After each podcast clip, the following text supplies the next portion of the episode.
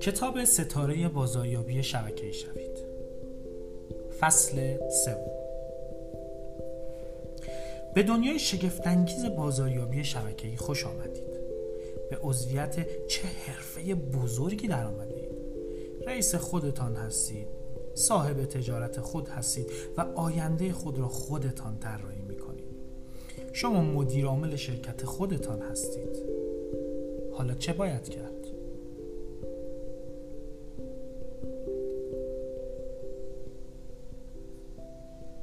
زیبایی این حرفه این است که به همه جدا از شرایط سنی و تجربه اجازه می‌دهد صاحب تجارت خود باشد. خود این مسئله می‌تواند چالش هم باشد. چون همه کسانی که وارد این کار می‌شوند آمادگی کامل ندارند تا مالکیت کار خود را بر عهده بگیرند. من بارها از مردم شنیدم که می‌گویند تجارت باید آنقدر از نظر سیستم ساده باشد که یک بچه هشت ساله هم بتواند آن را انجام دهد. کار ما اشتراک و دعوت است. من هم معتقدم باید کارها را آسان گرفت. اما مشکل این است که افراد حتی در این صورت هم باز درگیر افکار محدود کننده و کمبود انگیزه درونی خواهند شد.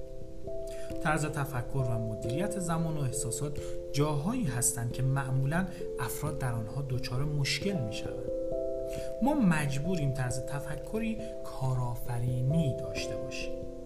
من برای رسیدن شما به موفقیت می‌خواهم در مورد مدیریت انتظارات احساسات و زمان با شما سخن بگویم وقتی که شما روی این حوزه ها کنترل کامل داشته باشید هر چیزی دست یافتنی است معمولا این گفته را میشنویم که اگه به کاری که به چشم تجارت برخورد کنی مثل تجارت نتیجه خواهد داد و اگر به کاری به چشم تفریح نگاه کنی مانند تفریح درآمد خواهد داشت.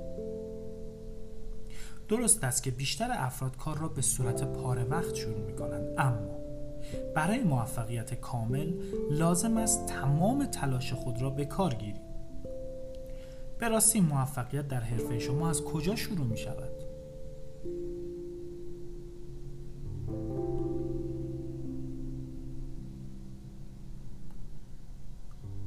درست است. از خود شما.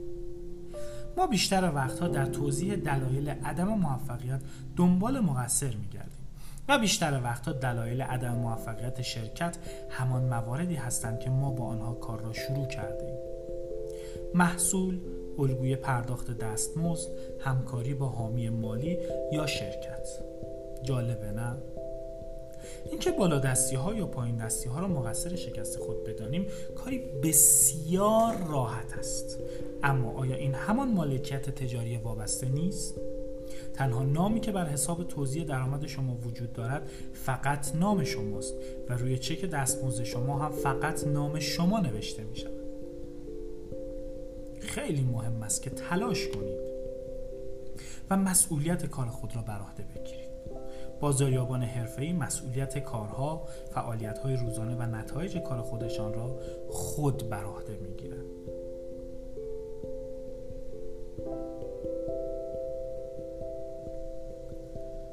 برنامه ریزی برای موفقیت کارآفرینانه من همچون بیشتر افراد کار خودم را به صورت پاره وقت در کنار مسئولیت ها و کار اصلی تمام وقت خود آغاز کردم من یک معلم کاملا تازه کار بودم که درگیر برنامه ریزی درس و تدریس بودم. به صورت خیلی فعال در کلیسا کار همسرم و خیلی از پروژه های داوطلبانه مشارکت داشتم. مثل خیلی ها سرم شلوغ بود. می‌دانستم که اگر قرار است در کارم به موفقیت برسم باید سیستم هایی را طراحی و به کار بگیرم و ساعات فعالیتی را در نظر بگیرم تا بتوانم بر کارم تمرکز داشته باشم. و از وقت کمی که داشتم حد اکثر استفاده را ببرم. من هر روز کار را با این ایده شروع می کردم که می توانم از هر فرصت کوتاه استفاده کنم تا آزادی مالی در دراز مدتی را برای خود و خانواده‌ام رقم بزنم.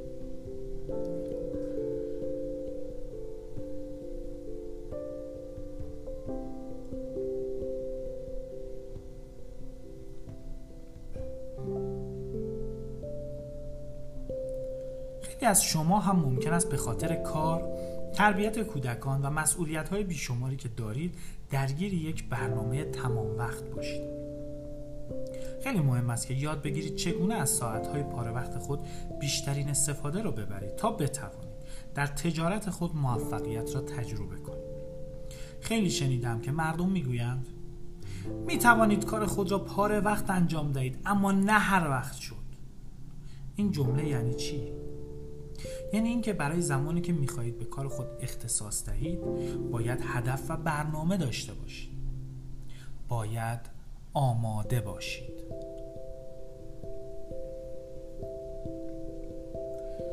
یکی از اولین چیزهایی که بیشتر کارآفرینان موفق مشخص می کنند ساعات فعالیت است. بازاریابی شبکه‌ای هم متفاوت نیست. اگر می خواهید شبکه دو برابر ایجاد کنید مهم است که در هفته حداقل بین 10 تا 15 ساعت فعالیت درآمدزا داشته باشید اگر می‌خواهید خورده فروشی کنید می توانید با ساعات کمتری هم به نتیجه برسید برای ساختن یک گروه وقت بیشتری لازم دارید چون نمی توانید جلسات، تلفن ها و کار آموزش را در چند ساعت محدود کنید.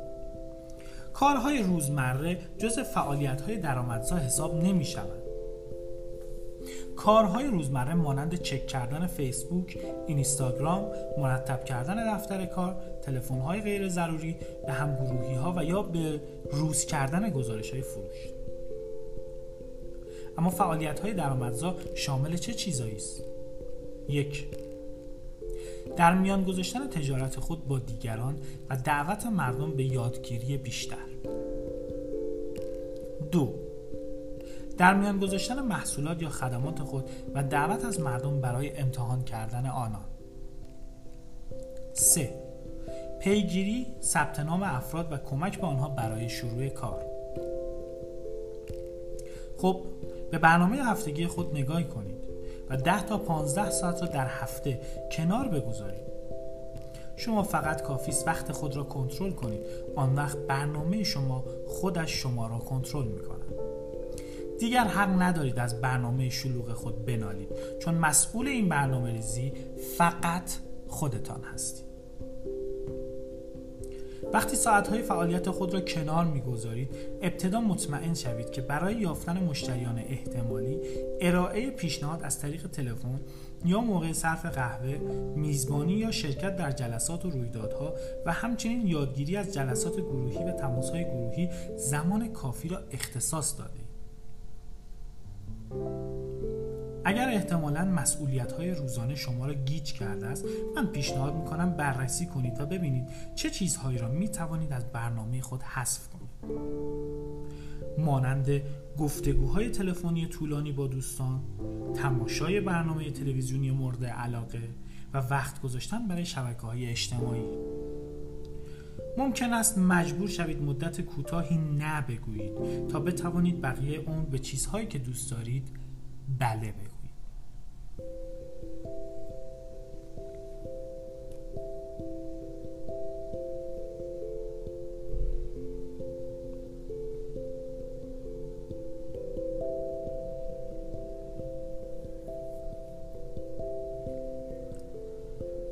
من حتی پیشنهاد می کنم جاهایی که زیاد هزینه بر نیست برخی کارها را به دیگران بسپارید. وقتی که من کارم رو شروع کردم خدمتکاری را گرفته بودم که دو روز در هفته برایم کار کند. این کار نه تنها مرا از انجام دادن کارهایی که دوست نداشتم آزاد می‌کرد بلکه یک بعد از ظهر کامل به من وقت می‌داد تا برای پایه‌گذاری کسب و کارم برای آیندهم وقت بگذارم. هر کار که می‌کنید مراقب باشید. عوامل مزاحم شما را منحرف نکنند اگر در کار خود کاملا جدی هستید مجبورید یه سری تعامل های کوتاه مدت انجام دهید تا بتوانید آزادی مالی و پاداش بلند مدت به دست آورید. مجبورید تمرکزی تیزبینانه داشته باشید. باریکبین باشید و با قدرت به کار خود بچسبید و اصلا رهایش نکنید. شما باید بخواهید تا بتوانید برای آزادی واقعی زمانی و مالی هزینه بپردازید. باز هم می‌گویم باید به این بیاندیشید که کجا می‌توانید به دبستانهای کوتاه مدت انجام دهید تا به پاداش های بلند مدت برسید. من در فصل بعد به شما خواهم گفت که در حین انجام دادن فعالیت های درآمدزا چه کارهایی انجام دهید.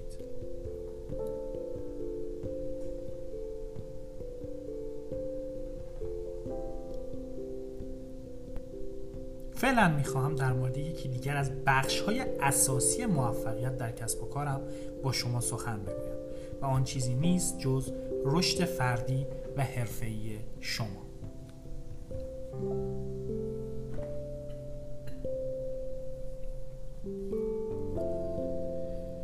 داستان نانوایی که داشت از گرسنگی میمرد.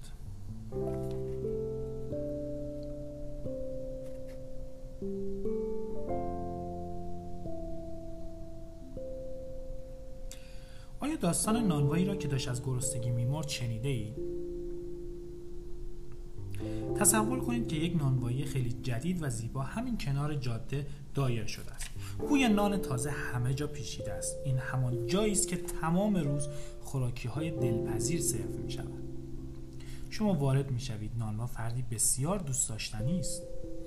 نان خود را سفارش می دهید و نانوا به کار خود مشغول است و شما غرق تماشای او می شوید او همه کارها را خودش انجام می دهد میزها را تمیز می کند پای صندوق می رود نان را پخت می کند به استقبال مشتریان می رود با خود خواهید گفت آنقدر مشغول پخت برای دیگران است که فراموش کرده است خودش چیزی بخورد. خودش دارد از گرسنگی می میرد فکر نمی کنید ممکن است خود شما همان نانوا باشید؟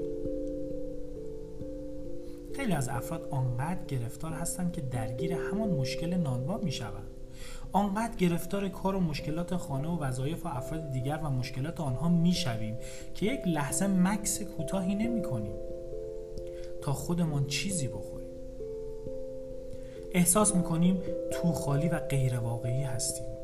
غیر واقعی نیستید اما کاری که می‌کنید کار همان نانوای گرسنه است.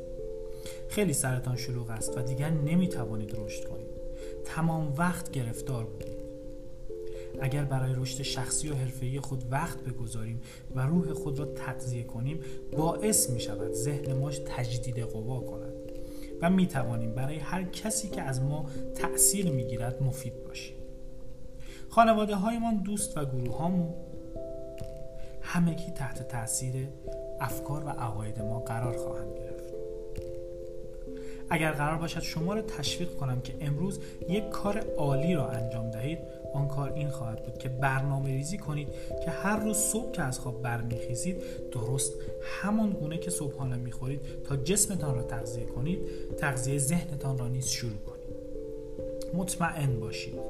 شما به همان اندازه که رشد می‌کنید می‌توانید در کار خود موفق باشید. من دوست دارم هر روز صبح توجهم را صرف پیشرفت شخصی و حرفه‌ای خود نمایم. این بهترین راهی است که می توان با آن یک روز پر انرژی را شروع کرد و خود را برای فرصت های جدید آماده کرد. من دوست دارم همه روزهایم را مثل هم به پایان برسانم. یعنی قبل از اینکه سر به بالین بگذارم فکر می کنم و به چیزهای مثبت می اندیشم. به همین دلیل هیچ وقت روزم را با آشفتگی حال بد تلویزیون و پیامک و غیره شروع نمی کنم و به پایان نمی رسانم.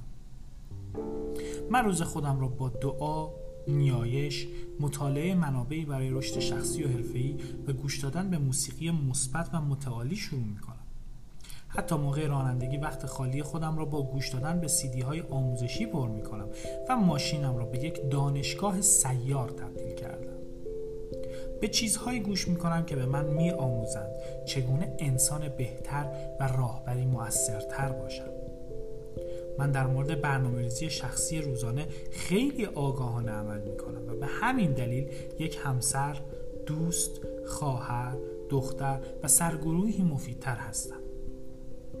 واقعا مراقب هستم که کسب و کارم به همان اندازه پیشرفت کند که من خودم رشد کردم.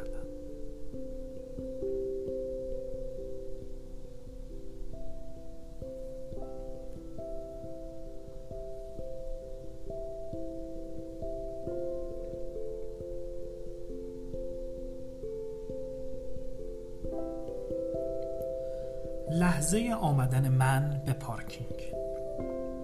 من خودم اولین کسی هستم که اعتراف می‌کنم که همیشه فردی مثبت نبودم. روزهای اولی که کارم رو شروع کردم از ترس و تردید کلافه و سردرگم بودم. به راحتی اجازه می‌دادم که هر چیزی حواسم را پرت کنم و هر عامل ناامید کننده ای مرا بی انگیزه کنم. هر روز در لحظاتی با خود می‌گفتم ولش می‌کنم. اگر شما هم سوار قطار هستید وقت آن رسیده است که پیاده شوید. دوباره تمرکز کنید. دوباره تعهد بدهید. دوباره اهداف خود را تعیین کنید و دوباره شروع کنید. من عادتم این بود که به خودم می‌گفتم هیچ کس حاضر نیست به گروه من بپیونده یا همه دارن گروه را ترک می‌کنن. شاید باور نکنید اما این دقیقا همان چیزی بود که داشت اتفاق میافتاد. من در فرایند رشد شخصیم آموختم که کلمات شما مانند بذری هستند که میکارید کلمات این ویژگی را دارند که شما را به مرحله برداشت محصول برسانند. خوب یا بد حرفهای من ممکن است برای رویاهای در حال رشد من مانند کود عمل کنند و یا آنها را مسموم کنند. رشد فردی مرا به. به سفری دو ساله برد. به اکتشافی عمیق در مورد قدرت افکار و سخنانم. یکی از لحظات کلیدی در این رشد فردی در لحظاتی اتفاق افتاد که من آن را لحظه ورود به پارکینگ مینامم. یک روز من داخل ماشینم در یک پارکینگ نشسته بودم و منتظر بودم جلسم شروع شود. یک تماس تلفنی داشتم. ریچل بود. یکی از دوستان مادرم که یکی از سرگروه های شرکت بود. درست همان لحظه فکرم به شدت درگیر کارم گوشی را برداشتم و او یک راست با این جمله شروع کرد. سارا می‌دونی چی باعث وقفه تو کارت شده؟ خیلی هیجان زده شدم. در واقع اون می‌خواست به من نوشداروی موفقیت را بدهد ریشه در ادامه, در ادامه گفت تو همه کارات درسته.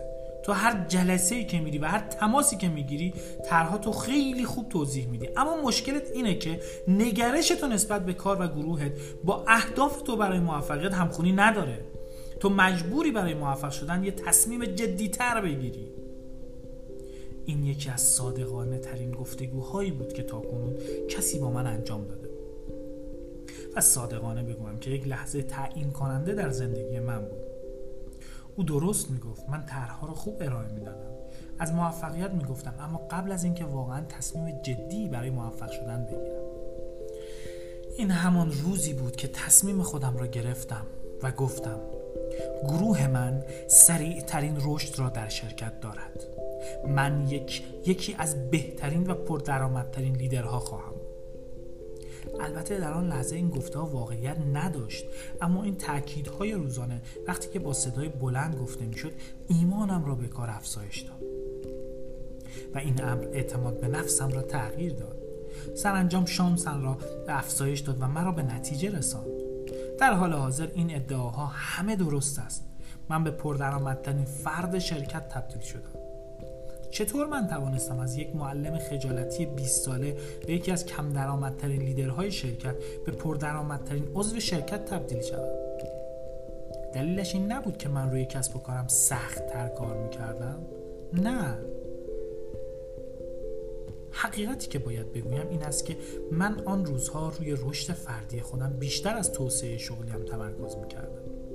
اعتقادم بر این است که بخش زیادی از موفقیت من به خاطر این واقعیت بود که دو سال تمام روی قدرت کلام خودم وقت گذاشتم و حواسم به افکار و اظهاراتم بود.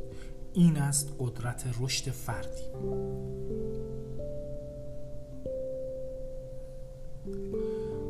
دوست دارید همزمان با اینکه دارید آماده می‌شوید تا به یک کارآفرین قوی تبدیل شوید. از شما بپرسم دیدگاه در مورد موفقیت چیست؟ هر روز راجع به خود و تیم خود چه می‌گویید؟ به چه میاندیشید؟ افکار شما به سخنان شما تبدیل می شود و سخنان شما به اعمال شما و اعمال شما نتیجه کار را مشخص می کند. بیشتر موفقیت های ما نتیجه دیدگاه های ماست دیدگاه های ما نسبت به شرکت، کار و البته خودمون به همین دلیل است که رشد روزانه فردی و حرفه‌ای اهمیت کلیدی دارد روی خودتان سرمایه گذاری کنید. روی رویاهای گروه خود سرمایه گذاری کنید. با گفتار خود به آنها جان دوباره بدهید و همانقدر که رشد حرفه‌ای را به آنان میآموزید با آموزش رشد فردی احترام به نفس آنها را افزایش دهید. من عاشق A. L. در کتاب Pushing People Up هستم. او یک مربی دبیرستان بود که دوست داشت فرصتهای نامحدود ایجاد کند و به افراد عادی کمک کند تا به چیزهای خارق‌العاده دست پیدا کنند وی گروهی از معلمان و مربیان را با خود همراه کرد و یک شرکت بازاریابی شبکه‌ای راه انداخت که بیمه عمر میفروخت. در مدت هفت سال آنها خیلی بیشتر از مجموع شرکت های بیمه نیویورک لایف، متروپولیتن و پرودنتال که یک قرن سابقه داشتن بیمه فروختن. چطور؟ او این کار بزرگ را با بالا بردن اعتماد به نفس افراد انجام داد. این بهترین نمود رشد فردی بود. از خود بپرسید که چه اصطلاحاتی را می‌خواهید در گروه خود ایجاد کنید؟ رشد گروه از شما شروع می شود و از همین امروز هم شروع می شود سخنان و عملکرد شما در گروه شما تکثیر می شود و یک لیدر دقیقا همانقدر به موفقیت می رسد که گروهش به موفقیت دست می یابد خودتان را ارتقا دهید تا تیم شما ارتقا پیدا کند. همان لیدری باشید که آنها در جستجویش هستند. لیدرهای واقعی می توانند الهام بخش گروه خود باشند و می‌دانند که به کجا می روند. به راستی آنها چطور می‌دانند که به کجا می روند؟ آنها برای رسیدن به هدف برنامه ریزی می کنند و آن را به اعضای گروه منتقل می کنند. برنامه های شما برای خود و گروهتان چیست؟ می خواهید آنها را به کجا ببرید؟ آیا دیدگاه های خود را با گروهتان در میان گذاشته اید؟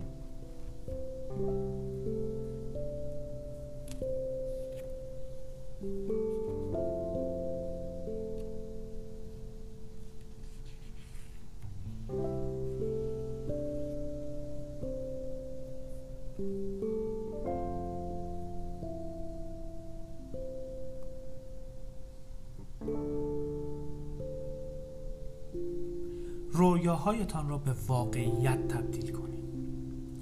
یکی از تمرینات مهمی که همزمان با شروع کار می توانید انجام دهید این است که پاسخ چرای کار خود را شناسایی کنید.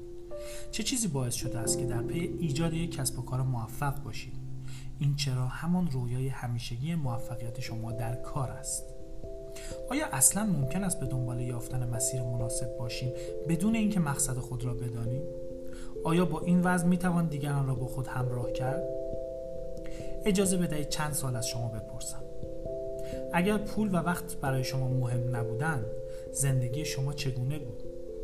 کجا زندگی می کردید چه ماشینی سوار می شدید با وقت خود چه می کردید آیا به کسی بدهکار بودید؟ به عبارت دیگر یک کار موفق با زندگی شما زندگی خانواده شما و سبک زندگی شما چه می کرد از شما می‌خواهم خیلی روشن بگویید چرا این کسب و کار را دنبال می‌کنید؟ هر چی جزئی تر بهتر. دلایل هرچه شفافتر و قانع کننده تر باشند باعث می شوند بهتر برایش وقت پیدا کنید. با نگرانی ها بهتر روبرو شوید و بیشتر ایستادگی کنید. آیا دلیل شروع کار کسب درآمد برای پرداخت شهری دانشگاه فرزندانتان است یا پرداخت بدهی ها خرید خانه رویایی روی پای خود ایستادن و یا سرمایه گذاری برای دوران بازنشستگی. برای من هدف ایجاد یک بنیاد خیریه برای کودکان و زنانی بود که می‌خواستم هزینهش را از این فعالیت تأمین کنم. یکی از اولین کارهایی که همزمان با شروع کار بازاریابی شبکه‌ای انجام دادم یافتن دلیل شروع کارم. به یاد میآورم روزی را که با یکی از مربیان خود کار می‌کردم و او از من پرسید سارا دلیل تو برای شروع کار چیست؟ به او گفتم من می‌خواهم مؤسسه خیریه یا برای کودکان تأسیس کنم که تمامی منابع مالی آن از محل کار بازاریابی من تأمین شود. این مؤسسه برای مادران مسن آموزش و کارآموزی و برای کودکان یک اردوگاه فراهم خواهد کرد. او که خیلی تحت تاثیر قرار گرفت پرسید چقدر هزینه می‌خواهد؟ گفتم میلیون ها دلار. در ادامه پرسید و چه حسی داری؟ گفتم حیرت انگیز است. می‌بینید دلیل من آنقدر بزرگ بود که گاهی وقتها به جای اینکه به من انگیزه بدهد مرا بی انگیزه می‌کرد. آنقدر تحت تاثیر رویایم قرار گرفته بودم که بیشتر وقتا احساس شکست می‌کردم. و به همین دلیل هم هر وقت انگیزم کم می‌شد خیلی راحت می‌گفتم که ادامه نخواهم به هیچ وجه فکر نمی‌کردم بتوانم به رویایم دست پیدا کنم. بعد او بهترین نصیحت را به من ارائه کرد. اینکه هدف اصلیم را به اهداف کوچکتر قابل دسترسی تقسیم کنم تا بتوانم در مسیر دستیابی به هدف بزرگ موفقیت های کوچک را جشن بگیرم. من یک حساب بانکی جداگانه باز کردم که می توانستم هر ماه قسمتی از دستمزدم را در آن کنار بگذارم و برای یک خانواده نیازمند کاری انجام هرچه دستمزدم افزایش پیدا می‌کرد می توانستم روی دیگران تاثیر بیشتری بگذارم. ما توانستیم پسر کوچک یکی از مادران را به اردوگاه هنرهای زیبا بفرستیم. صورت حساب های درمانی را پرداخت می کردیم چند رمپ برای افراد معلول احداث کردیم. برای خانواده های نیازمند مسافرت های تفریحی برگزار کردیم. به هند سفر کردیم تا به افتتاح یتیمخانه کمک کنیم و توانستیم در خیلی از راههایی که نیتش را داشتیم هزینه کنیم. اکنون دیگر من انگیزه داشتم و توسط رویاهایم به پیش رانده شده خیلی از افرادی که در این کار هستند معتقدند دلیل شما باید شما را به گریه بیاندازد. به این معنا که دلیل شما باید شما را از نظر عاطفی به حرکت وادارد و همواره در فراز و نشیب های کار شما را مشتاق نگه دارد و کمک کند تا بر ناامیدی و یأس غلبه کنید. و از مأموریت خود منحرف نشوید. و با دنبال کردن رویاهای خود پشتکار بیشتری داشته باشید. هر کسی ممکن است فراز و نشیب و چالش و پیروزی و ناامیدی و موفقیت داشته باشد. وقتی دلیل کارتان شفاف و روشن باشد به جای اینکه تحت تاثیر ناامیدی قرار بگیرید با دنبال کردن رویاهایتان در کار خود ثابت قدم می‌شوید. بعد از این فصل لطفا برای چند لحظه منظورم چند ساعت است دست از کار بکشید. و دلایل کار خود را بنویسید. خیلی از افراد این مرحله را نادیده می‌گیرن اما من به شما اطمینان می‌دهم که این مهمترین مرحله است. برای آینده خود یک رویای الزام آور ترسیم کنید. مانند یک فیلم انگار که همین حالا اتفاق میافتد. از کلمات بی محتوا مانند آرزو می‌کنم باشم استفاده نکنید. کلماتی مانند من هستم به کار ببرید. با جملاتی مانند من دیگر خجالتی نیستم سخن نگویید. از جملات مثبت و محکم مانند من اعتماد به نفس دارم استفاده کنید. احساسات و رویاهای خود را توصیف کنید و بگویید که زندگی خانواده آینده خانه و کار شما چه شکلی خواهند همه افراد مکانها و چیزهایی را که برای شما مهم هستند کاملا آشکار توصیف کنید. همه جنبه زندگی خود را در نظر داشته باشید. برای اینکه مطمئن شوید همه چیز را کاملا ذکر کرده اید یک بار آن را بخوانید. این کار به شما انگیزه می‌دهد و شما را وادار به حرکت می‌کند. وقتی این برنامه را کامل کردید آن را با کسی دیگر هم در میان بگذارید. این فرد ممکن است همسر یا هر فرد مهم دیگری باشد. و یا حامی شما در زندگی و پشتیبان شما در کار به خاطر داشته باشید که اگر دلیل شما برای کار بزرگ باشد هر چیزی امکان پذیر است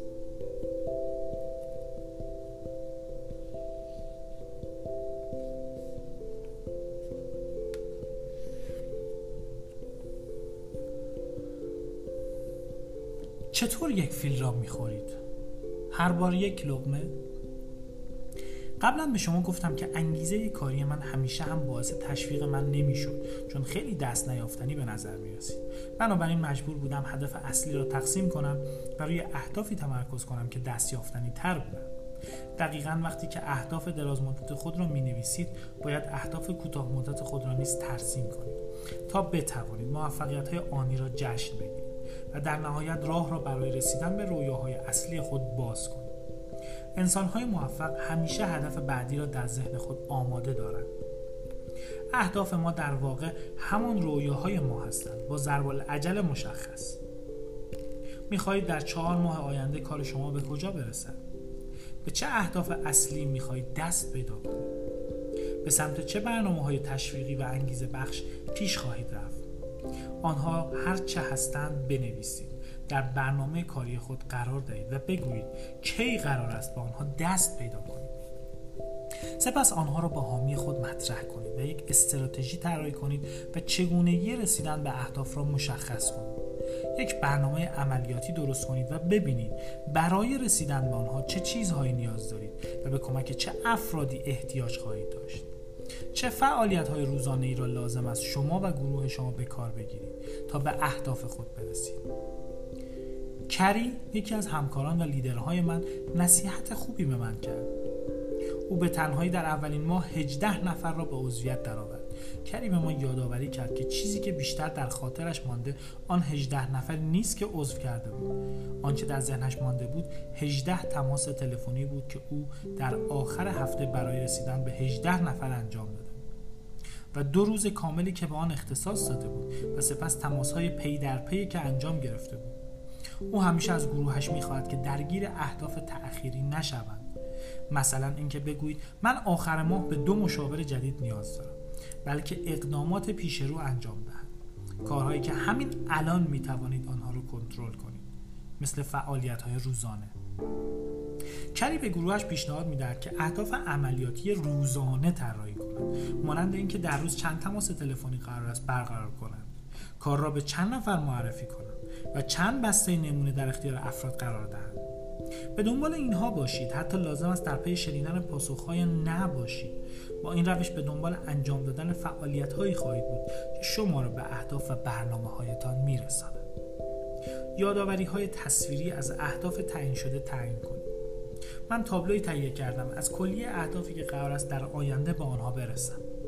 همه چیزهایی که برای رسیدن به آنها دعا می کنم شما حتی می توانید از کسانی که برایشان کار می کنید و اهدافی که به سویش پیش می رود تصاویری تهیه کنید و آن را روی صفحه اصلی گوشی هوشمند خود قرار دهید تا پیوسته تصویرهای ذهنی خود را به خود یادآوری کنید سپس هر وقت که گوشی را برمیدارید تا به مشتریان احتمالی زنگ بزنید و احتمالا این کار برایتان به اندازه هزاران پوند سنگین به نظر می رسد تصویر روی صفحه به شما انگیزه می دهد. روی دفتر برنامه‌ریزی خود تصاویر تصاویری نصب کنید. وقتی برای کارهای روزانه به آنها نگاه می‌کنید دست به کار می‌شوید و با قدرت پیش خواهید رفت. اگر مسئول تدارکات یک سفر گردشی هستید تصویری از آن مکان تهیه کنید و در جایی نصب کنید که بتوانید ببینید.